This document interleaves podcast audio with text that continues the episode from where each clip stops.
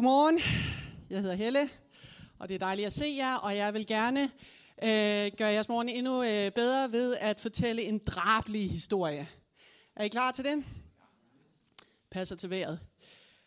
Øh, der var engang to brødre, og øh, de var voksne, men de boede stadigvæk hjemme hos deres mor og far.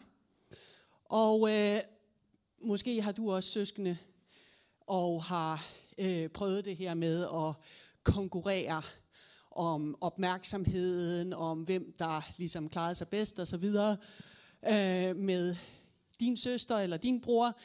Men det var i hvert fald noget, der foregik hjemme hos de her to brødre. De rivaliserede gevaldigt.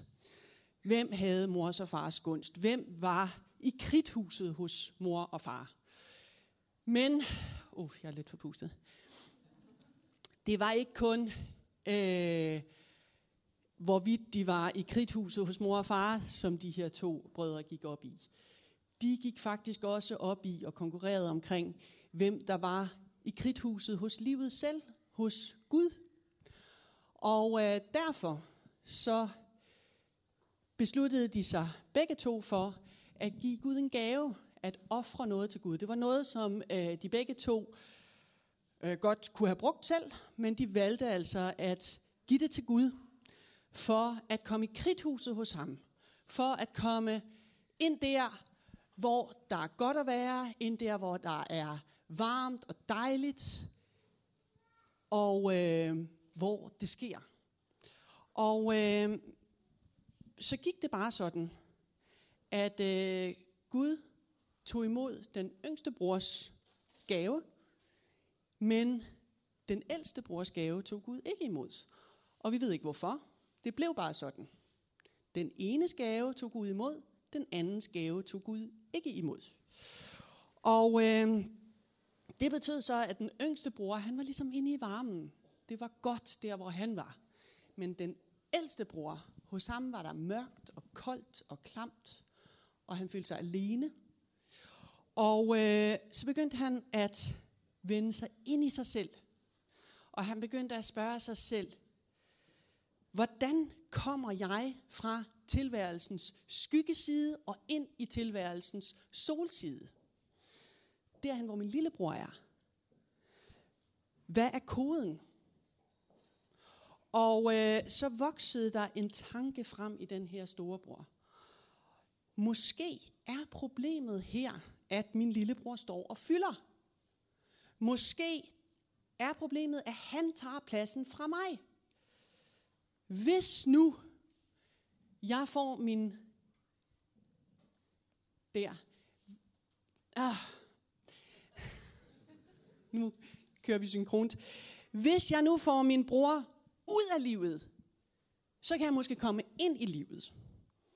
Og Gud advarede, for de var begge to troende og kendte Gud, kunne høre hans stemme. Gud advarede den store bror, og han sagde, lad nu være med at give efter for den vrede. Hold nu din sti ren.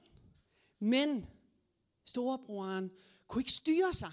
Hans tanker kredsede bare om den ene idé. Ud med lillebror, så jeg kan komme ind. Hvis jeg får skubbet ham ud af livet, ud af varmen, ud af solsiden, så kan jeg komme der ind. Og en dag, da de var alene, så greb han chancen, og så tog han en sten, og så dræbte han sin lillebror øh, bare lige der. Koldt blod. Og så tænkte han, nu kan jeg endelig komme til. Men der tog han bare grueligt fejl, fordi intet menneske kan komme ind i livet ved at skubbe en anden ud i kulden. Man kommer bare endnu længere ud, end man nogensinde selv har været. Og det vil jeg komme tilbage til. Og måske er der nogen af jer, der kender den her historie. Måske tænker, I, øh, måske tænker du sådan her, hey, det var da den drøm, jeg havde om mig og min lillebror, eller min lillesøster, eller min kollega, eller min ven i nat. Hov, afsløret. Det kan sagtens være, fordi hvem af os kan sige os fri fra at genkende de her følelser, som den store bror havde. Men det er så også historien om Adam og Evas to sønner, Kain og Abel. Vi har et billede af dem her. Det er urhistorien om det første drab, Har vi? Der var de. Det er urhistorien om det første drab, og den illustrerer for os meget malerisk, meget gribende, synes jeg, hvad der sker i os mennesker, når vores retfærdighedssans krænkes. Når følelsen af misundelse vælger op i os, eller rammer os lige med mellemgulvet, og vi fyldes af tanken, jeg vil have det, den anden har. Jeg vil, øh, jeg, jeg under ham det ikke. Jeg misunder ham det. Jeg under ham det ikke. Og øh, misundelse, det kan man jo tage afstand fra. Og sige, øh, kender jeg det, og de følelser, jeg har, er det virkelig misundelse? Er det ikke lidt for voldsomt en ord? Men det tror jeg faktisk, man skal identificere ind i sig selv. Og det er noget, der altid har været et stort udbredt mellemmenneskeligt problem. 400 år før Kristus, så sagde filosofen Antistenes, Ligesom jern ædes op af rust, så fortæres den misundelige af sin svidende lidenskab.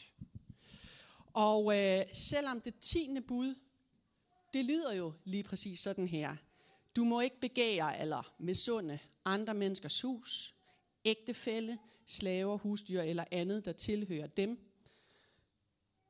Altså det bliver sagt af Gud direkte til os mennesker, helt i starten af Bibelen.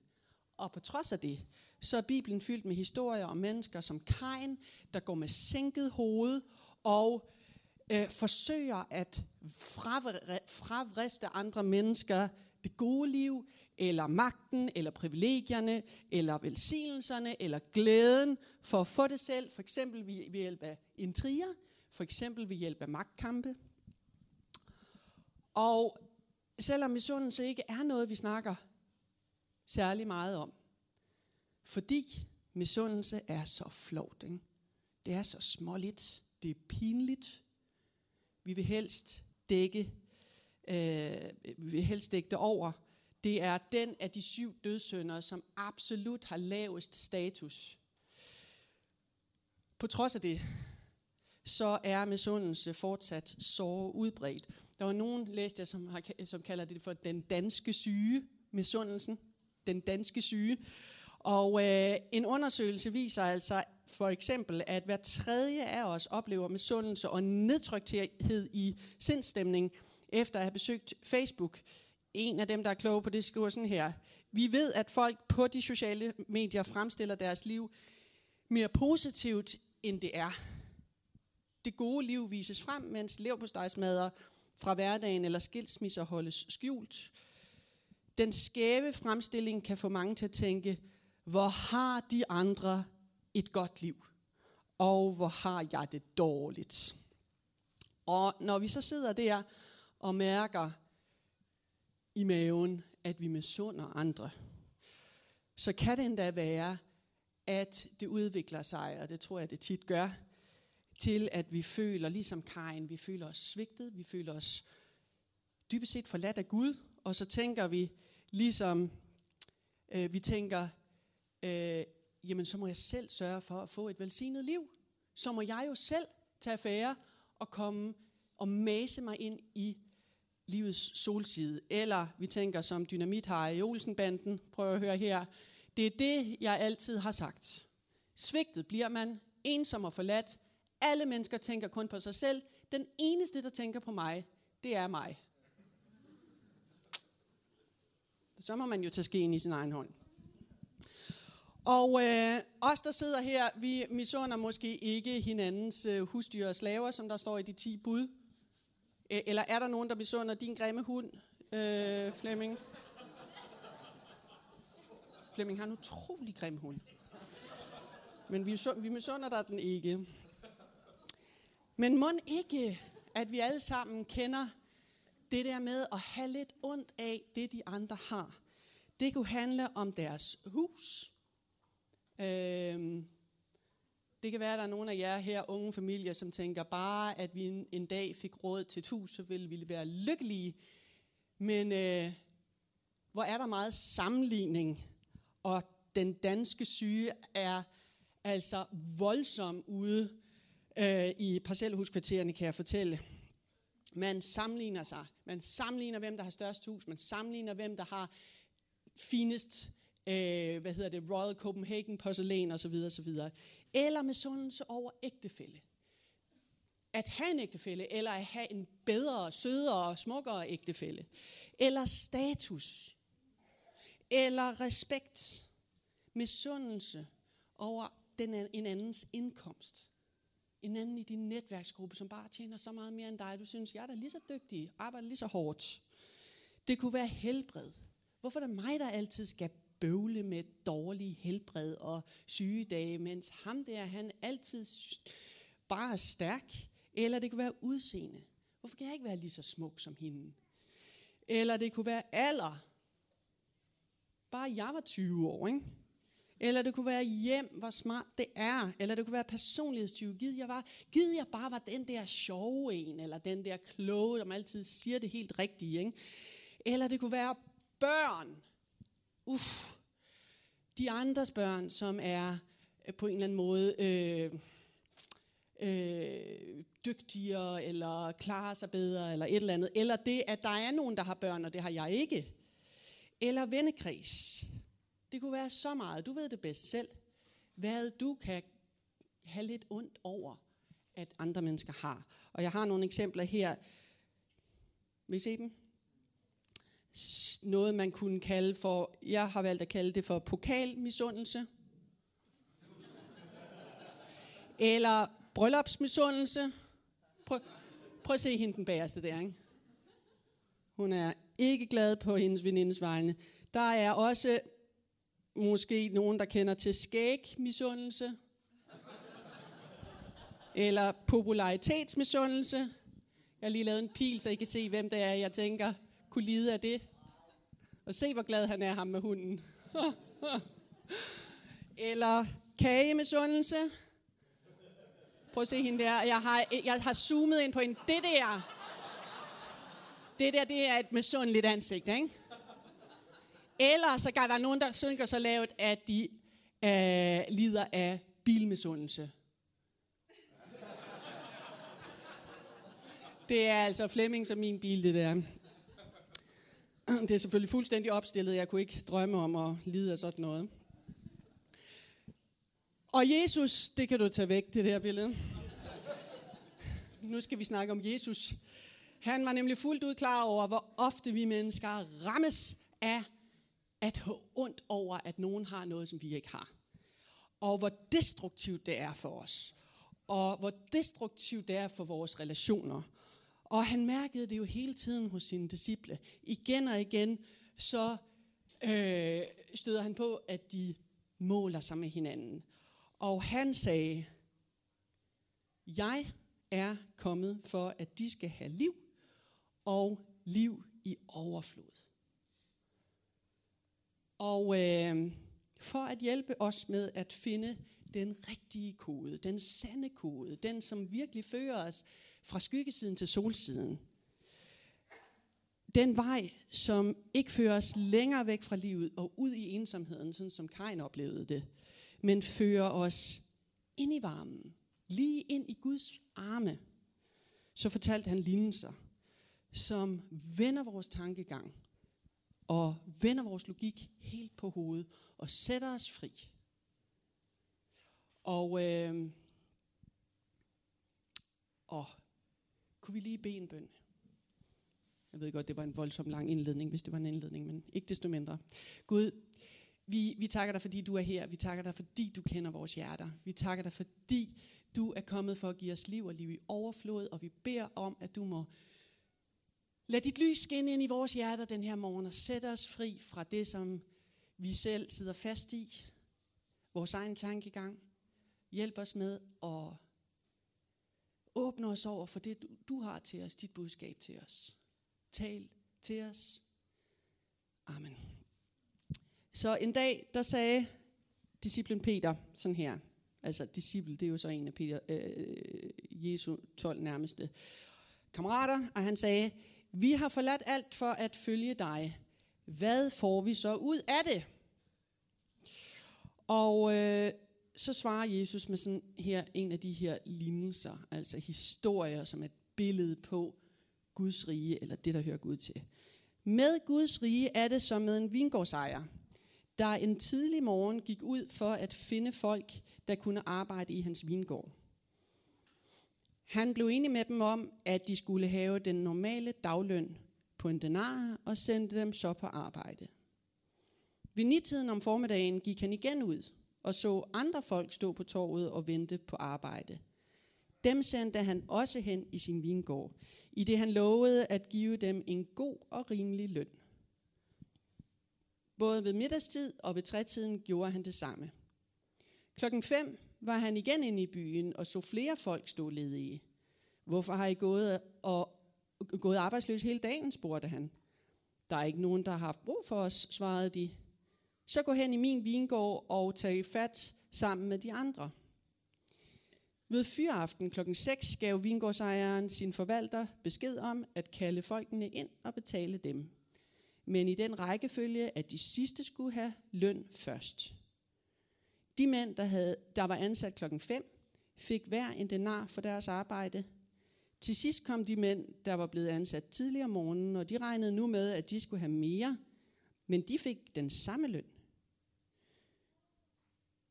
De tog deres penge, men begyndte at protestere. Jamen, de sidste der har jo kun været i arbejde i en time, og du har givet dem lige så meget som os, der har slidt i det hele dagen og kæmpet os igennem middagssiden.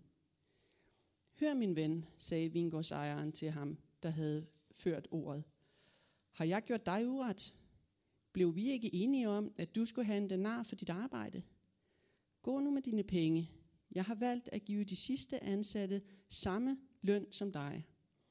Har jeg ikke lov til at gøre med mine penge, som jeg vil? Er du misundelig, fordi jeg er gavmild, eller som der står i en anden oversættelse, er dit øje ondt, fordi jeg er god? Er dit øje ondt, fordi jeg er god? Så Peter, som det er jo en fornøjelse at læse om Peter mange gange, fordi han er så menneskelig, men det er så nemt at identificere sig med ham mange gange. Men han stiller det her spørgsmål. Vi har forladt alt for at følge dig. Altså, vi har betalt en ret stor pris. Og hvad får vi så ud af det?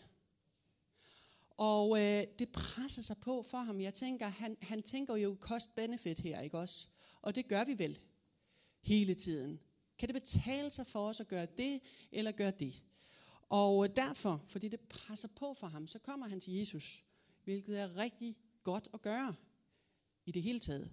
Og Jesus svarer med en fortælling om Gud og om Guds rige. Guds sfære, der hvor Gud regerer. Og Gud er jo så den her vingårdsejer, det er det, vi skal øh, tænke.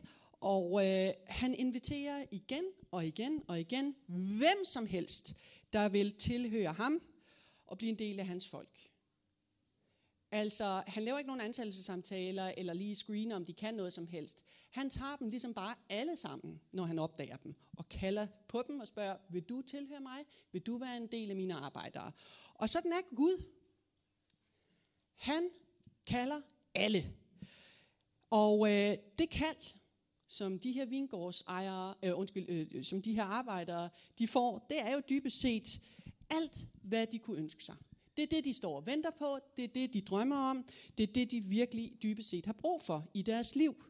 Ligesom os. Det vi dybest set har brug for i vores liv, når det kommer til stykket, det er at få lov til at høre Gud, invitere os ind i hans rige, tilhøre ham, og så sige ja til det. Det er det afgørende, det er omdrejningspunktet i et hvert menneskes liv. Men for de her øh, vin, øh, arbejderes, øh, så hører det også til, at øh, det her privilegium at arbejde i vingården og tilhøre vingårdsmanden, øh, til det hører der også, øh, at de må vende sig til en helt anden logik. De må vende sig til en anden måde at tænke på, fordi den her vingårdsejer, han driver sin gård efter andre principper, end man normalt gør. Vingårdsejeren, han giver lige løn til alle. Og øh, de første får deres dagsløn, det som de er blevet lovet, og det gør de sidste også. Hans princip, hans princip er, at han lader noget gå for ret, som man siger på gammeldansk. Nåden trumfer retten. Og det har han jo frit for. Fuldstændig. Det er hans penge, men de folk, som har knoklet hele dagen, de bliver fuldstændig ramt, ligesom kajen, lige mellem gulvet. De bliver dybt krænket på deres retfærdighedssans. De bliver gule af misundelse. De sidder i saksen. Og hvem kender ikke den følelse? Det her er ikke fair. Jeg tror ikke, der er nogen af os, hvis vi havde været i deres sko, der ikke havde tænkt, det her er ikke fair. Det er da snyd. Og øh, altså, man kunne jo tage så mange eksempler fra vores hverdag, fra vores tilværelse. Men prøv at tænke tilbage på din skolegang, eller det kan være, at du stadigvæk går i skole. Hvordan man måler sig med hinanden. Hvem skiller sig ud, og hvorfor? Hvem er en del af den rigtige gruppe? Får nogen højere karakter, end jeg egentlig synes er rimeligt, osv. osv. Ikke? Og jeg kom bare til at tænke på en, øh, en matematiklærer, jeg havde, som helt tydeligt synes, følte jeg, havde nogle yndlinge.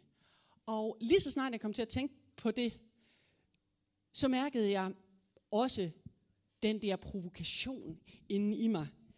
Og I har alle sammen jeres historier. Måske sidder vi øh, hver især lige nu midt i sådan en følelse af, det der, det er snyd. Jeg er udsat for noget, der er uretfærdigt. Og jeg misunder dem, der får mere, end hvad jeg synes er rimeligt. Og når det sker, så har man lyst til at råbe. Jeg har lyst til at råbe til de der kæledækkere, min matematiklærer har. Ikke? Et eller andet sådan noget. Ikke? Et eller andet sådan noget.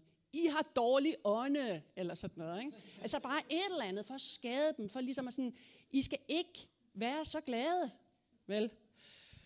I skal ikke nyde det for meget, vel? Og øh, er det ikke rigtigt? Det har man lyst til, ikke?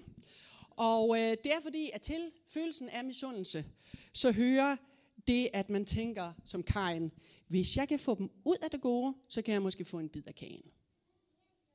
Og øh, hvis det er sådan, at, øh, at den anden viser sig at have et hul i sin fortræffelighed, ikke også? Så hvad gør man så? Hvad for en følelse vælger så op? Skadefryd. Åh, han er alligevel ikke så god, som han gav sig ud for at være, ikke også? I skal have et Søren Kierkegaard citat, fordi han bare formulerer sig så dejligt. Misundelsen er tidlig på fære for at hjælpe med ved, ved den misundes undergang. Da iler misundelsen hjem i sin skumle afkrog og kalder af sin endnu afskyeligere slægtning, der hedder skadefryd, så de kan fryde sig med hinanden i deres egen skade. Og sikke en ynkelig fest og ile hjem til, var. Men hvem af os har ikke taget del i sådan et pity party her? Selvom det er pinligt, det er flovt, det er småligt, men misundelse øh, rammer os. Og ved I hvad? Det har kæmpe konsekvenser. Misundelse på arbejdspladsen fører til mobning masser af steder. Misundelse blandt søskende, som er utrolig udbredt. Også blandt voksne. Hvem klarer sig bedst? Hvem kan høre den fedeste bil? Hvem, hvem er det, der får den største arv? Og så videre, så videre. Det fører til brudte relationer igen og igen. Misundelse blandt ægtefæller fører til skilsmisse. Jeg kunne blive ved. Og hvad siger Jesus? Hvad siger Vingårds manden eller ejeren til den her fest? Hvad siger han til os, når hans retfærdighed, hans rige, hans nåde, hans gode gaver til andre, når alt det kommer så tæt på, at det kolliderer med vores følelse af, hvad der er ret, når vi bliver oprørte, når vi bliver provokeret og siger, det kan da ikke passe, at Gud handler sådan. Hvor er retfærdigheden henne? Det er snyd. Efter vores begreber, så skulle kærlighed, det skulle jo være noget meget fint noget, og det skal gå retfærdigt til. Hvorfor gør det ikke det? Hvis Guds kærlighed er sådan der. Altså, hvad, hvad er der så ved det, kunne man måske næsten tænke, ikke? Men Jesus siger, i min vingård, der trumfer nåden den menneskelige retfærdighed. Han, han siger, er dit øje ondt, fordi mit er godt? Er du misundelig, fordi jeg er god? Han siger, ved du ikke, hvad den denar, du har fået, hvis du kender mig, og hvis du er en del af mit folk, hvis du er blevet inviteret ind i min vingård, og nu får denaren, ved du ikke, hvad det er værd, min ven? Ved du ikke, hvad den denar øh, er værd? Ved du ikke, at alt mit er dit? Ved du ikke, at Du kan stole på mig. Tror du, jeg vil snyde dig? Tror du, at øh, jeg ikke har omsorg for dig? Tror du, at jeg ikke elsker dig? Det er som om han siger til Peter, ro på Peter, jeg har fuldstændig styr på dit liv. Jeg vil ikke svigte dig. I dine øjne, det som du forstår, den retfærdighed, som er menneskelig, der kan det knibe måske, men jeg har styr på dit liv, og jeg elsker dig, og jeg sørger for dig. Det Jesus han vil sige til os, og den måde han hjælper Peter og os på, det er, at han vil hjælpe os til at forstå, at han vil handle med os på vilkår, som han selv fastsætter. Han vil handle med os i noget. Han vil give os det, vi ikke fortjener. Alle sammen. Det gælder os alle sammen.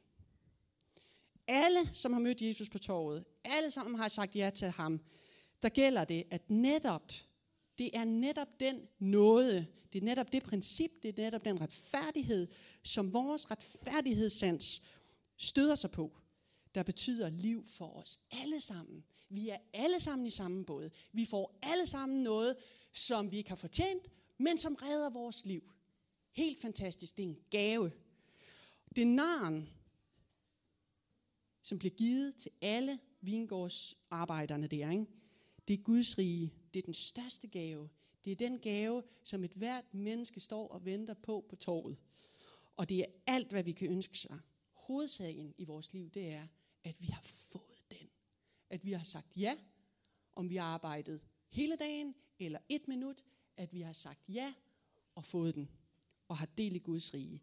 Alle i vingården, alle er genstand for en barmhjertighed. Det er et stort sind, som vi slet ikke har forstand til at forstå. Guds kærlighed til dig, hvordan end din situation er i forhold til andre mennesker, er ubegribeligt stor. Det er ikke noget, der kan sådan skæres ud i procentsatser, mm, forskellige point, eller uddeles demokratisk, eller hvad vi nu synes, at, at, at så kan vi forstå det. Ikke også? Din kærlighed, den fosser overdådigt ud i en strøm, der aldrig stanser. Det er den arn. Og sådan er Guds væsen. Så gode er Guds øjne. At dine øjne onde, fordi mine er gode. Har vi set ind i de øjne? Det er vores redning, det er vores denar. At Jesus var udsat for den største uretfærdighed, nemlig at dø øh, stedfortrædende på korset. Det er dundrende uretfærdigt, men det er vores redning. Vi er alle sammen reddet, fordi Gud har valgt at se til os med sin retfærdighed, som er hans nåde. Og øh, hvis vi ikke selv var genstand for de, for de øjne, for Guds gode øjne, for Guds nåde, for Guds retfærdighed, så havde det været ude med os alle sammen, så havde der ikke været nogen kirke her, så måtte vi leve øh, efter vores egen retfærdighed, ligesom Kain og Abel. Dybest set, så er det, Jesus siger i den her lignelse til os og til Peter og til hvem som helst. Tro på mig. Stol på mig. Fokuser på mig. Se ind i mine gode øjne. Ikke lejesvensagtigt øh, sammenlignende over på de andres øh, omstændigheder. Fordi, min ven, så kommer du ind i lyset. Så kommer du ind i solsiden. Når vi ved Guds hjælp møder hans øjne, og kigger ind i dem og får øjenkontakt med de gode øjne, så forstår vi, at vores millimeterretfærdighed, vores misundelse, det fører os aldrig nogensinde ind i varmen. Tværtimod, konsekvenserne af det fører os bare langt ud i ensomheden og i kulden og det, i det klamme og det, øh, det uattraktive, ligesom for Kain. Ingen kommer ind i livet ved at trykke nogen ned. Ingen kommer ind i livet ved at sammenligne sig. Ingen kommer li, øh, øh, ind i livet ved at have ret. Alle kommer ind i varmen, ind til Guds fest, ind på livets solside, alene fordi Gud ser på dig med gode øjne. Og det er fantastisk. Og der begynder Guds rige. Når han ser på dig, og du ser på ham, når det sker, så bliver Guds rige plantet i vores hjerter. Og øh, vi kan give det videre. Vi kan blive fyldt med tro, vi kan blive fyldt med taknemmelighed, vi kan begynde at lade den barmhjertighed, den nye retfærdighed, som vi så selv tager del i, øh, påvirke den måde, vi relaterer til andre mennesker på, den måde, at du tænker på, den måde, du lever på, den måde, du forholder dig til din familie, til dine kolleger, til dine venner, til dit liv, til hvad der er værdifuldt i dit liv, endda den måde, vi forholder os til dem, som måske virkelig er offer for en hård menneskelig retfærdighed. For eksempel de mennesker, som vi skal dele gaver ud til, til jul. Eller alkoholikere, eller indvandrere, som er udsat for en masse fordomme. Eller tiggere, vi ser på gaden og tænker, er du nu helt fin i kanten, eller hvad det nu kan være, prostitueret. Det kan flyde over til, til dem. Vi kan begynde, og jeg blev bare mærke i Carl Medeiros, hvis I var her for to, to øh, uger siden, han sagde, en af hans pointer, det var, tænk, at de andre er bedre end dig. Sådan tænker man i Guds rige. Ikke sammenlignende, ikke misundeligt, men yes, de andre er bedre end mig. Fedt, de andre er bedre end mig. Det er en fest, der er sjov, ikke? Det er en fest. Det andet pity party, det er øh, mellem misundelsen og skadefryden, det er, pff, det er ikke nogen fest, der er attraktiv. Det her, det er en god fest. Og alle os er inviteret øh, til den fest. Det er Guds rige. Festen i Guds rige. Glæden over at være genstand for hans retfærdighed. Og nu skal vi bede sammen. Øhm, jeg har bare lyst til at allerførst sige, det kan være, at du er her, og du ikke har sagt ja til en invitation fra Jesus. Men lige i dag, her den her formiddag, så er det, at Jesus faktisk kommer til dig og siger, ligesom han sagde til de her øh, folk på torvet, vil du være en af mine? Vil du være mit barn, eller vil du være en, der tilhører mig? Og så kan du sige ja. Og lige meget, hvor lidt eller hvor meget, at du så, øh, hvad der sker bagefter, så får du din naren. Du er en del af Guds rige. Du er genstand for hans kærlighed. Og øh, hvis du har lyst til at sige ja til den invitation i dag, så øh, vil jeg meget gerne bede for dig. Men jeg vil også gerne bede for nogle andre ting, og jeg nævner dem bare lige nu her. Jeg tror, der er nogle af os, der tænker om vores liv, og især i relation eller i sammenligning med andre, jeg er øh, ikke der, hvor jeg vil ønske at være. Måske bruger du næsten ordet mislykket, eller at det er meningsløst. Det kan være, at du totalt kan relatere til de her folk på torvet, som bare har stået hele dagen, og ingen har hyret dem. Hvad skal det blive til med mig? Kan bruges til noget som helst? Hvis du er i den situation og kan tænke sådan, ikke? så øh, skal du vide, at du har evighedsværdi hos Gud. Guds rige er dit. Du er en del af det. Det kan også være, at du tænker, jeg lader mig ikke mærke med det lige nu, men jeg ved jo godt, jeg bliver misundelig. Jeg fyldes af harme. Jeg sammenligner mig, og det ødelægger min fred, min glæde at deltage i den ynkelige fest. Øh, til dig er budskabet også. Guds rige er dit. Du har fået den arn. Glæd dig over den. Del rundhåndet ud til andre. Ha' ikke lejesvendsmentalitet. Nogen her føler måske, at du har offret rigtig meget, ligesom Peter. Og øh, det kan være, at du har taget nogle beslutninger, der virkelig har kostet. Det kan være, at du har valgt øh, også nogle etiske, øh, taget nogle etiske beslutninger, som har kostet noget for dig. Og øh, du tænker, hvad, hvad får jeg så for det, kan du tænke. Og øh, jeg tror, Gud siger til dig, tro på mig. Tro på, at min vej, det er den gode. Selvom du ikke umiddelbart lige kan se det i sammenligning med andre, så tro på, at jeg har hånd om det.